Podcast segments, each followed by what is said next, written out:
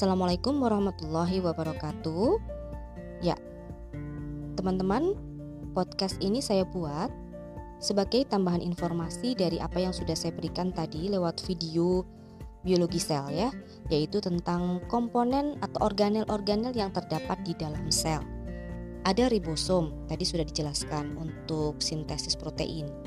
Kemudian ada lisosom. Kalau lisosom agak mirip ya ribosom, lisosom. Nah, ini apa ini sebetulnya ya? Lisosom adalah suatu organel yang berfungsi untuk menghancurkan uh, kuman atau benda asing atau mikroorganisme yang masuk ke dalam sel. Jadi untuk pertahanan dari sel gitu ya. Misalnya ada virus, bakteri, itu nanti dia akan ditangkap oleh lisosom dengan suatu proses kerjasama dengan membran sel ya yang disebut sebagai fagositosis. Nanti kita akan jelaskan di tempat yang terpisah. Ya. E, mengapa kok lisosom ini bisa menghancurkan kuman? Karena dia memiliki enzim-enzim hidrolisis atau hidrolitik ya yang bisa menghidrolisis partikel partikel-partikel dari kuman. Gitu. Kemudian ada mitokondria. Mitokondria tentu saja untuk mahasiswa faal fisiologi itu sangat penting ya untuk dipelajari karena ini adalah pembangkit energi kita gitu.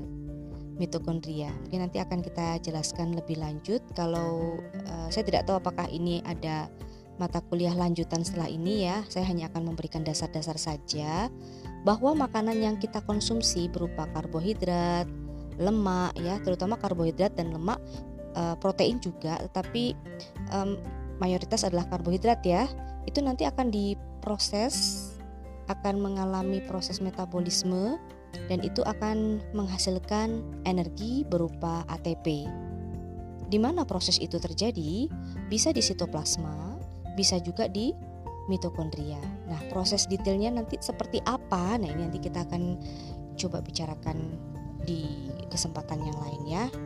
Kemudian ada retikulum endoplasma yang sudah kita bahas juga di video tadi bahwa ini ada dua macam yaitu retikulum endoplasma kasar dan halus.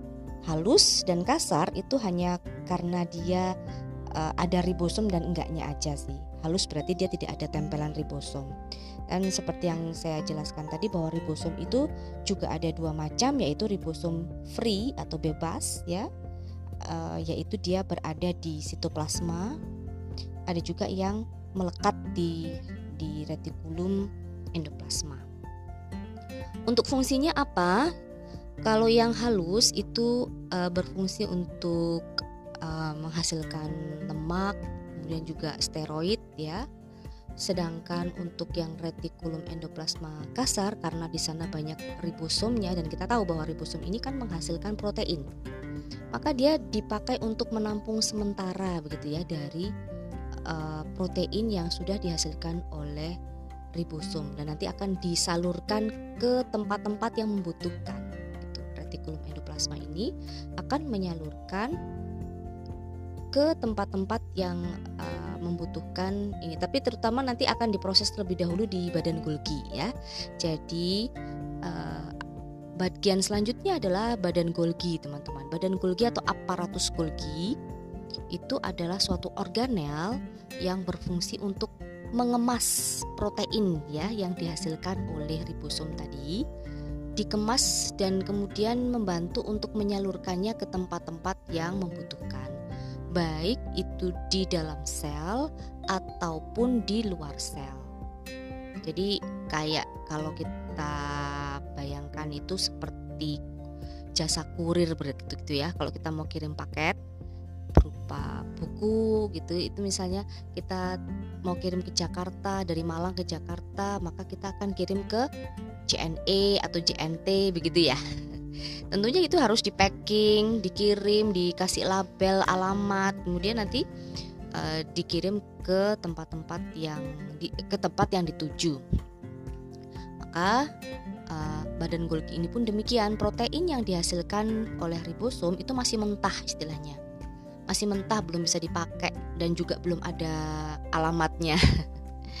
Jadi kalau misalnya dia sudah sampai di uh, badan Golgi maka badan Golgi ini akan memberikan semacam label atau dan juga dia mematangkan ya membantu untuk uh, membantu proses maturasi atau pematangan dari uh, protein ini gimana sih proses pematangannya itu nanti saya coba untuk mencarikan link uh, video YouTube ya untuk lebih mudah buat kita memahami bagaimana prosesnya. Nah, ini kembali lagi pada retikulum endoplasma itu kalau di sel otot lebih dikenal dengan retikulum sarkoplasma. Ini fungsinya agak beda sedikit ini ya, teman-teman. Retikulum sarkoplasma itu hanya ada di sel otot saja. Dan itu fungsinya adalah untuk menyimpan ion kalsium dan ini sangat penting nanti ketika kontraksi. Ya, kalau kalian kontraksi itu pasti akan membutuhkan kalsium ya. Dan pada saat uh, ada impuls saraf dari otak ya dari uh, saraf motorik otak itu menuju ke otot maka ini nanti kita akan bahas lebih lanjut di sistem uh, otot ya. Maka akan terjadi stimulasi atau pelepasan dari ion kalsium dari retikulum sarkoplasma ini yang kemudian menempel pada uh, miofibril miofibril otot. Ya singkat kata nanti akan terjadi proses kontraksi. Detailnya seperti apa nanti kita bahas tersendiri insya Allah ya. Apalagi ya yang belum dijelaskan tadi oke ada ribosom lisosom uh, badan Golgi retikulum endoplasma uh, saya rasa itu dulu aja ya untuk yang lain-lain nanti kita bisa pelajari di grup WA terima kasih. Assalamualaikum warahmatullahi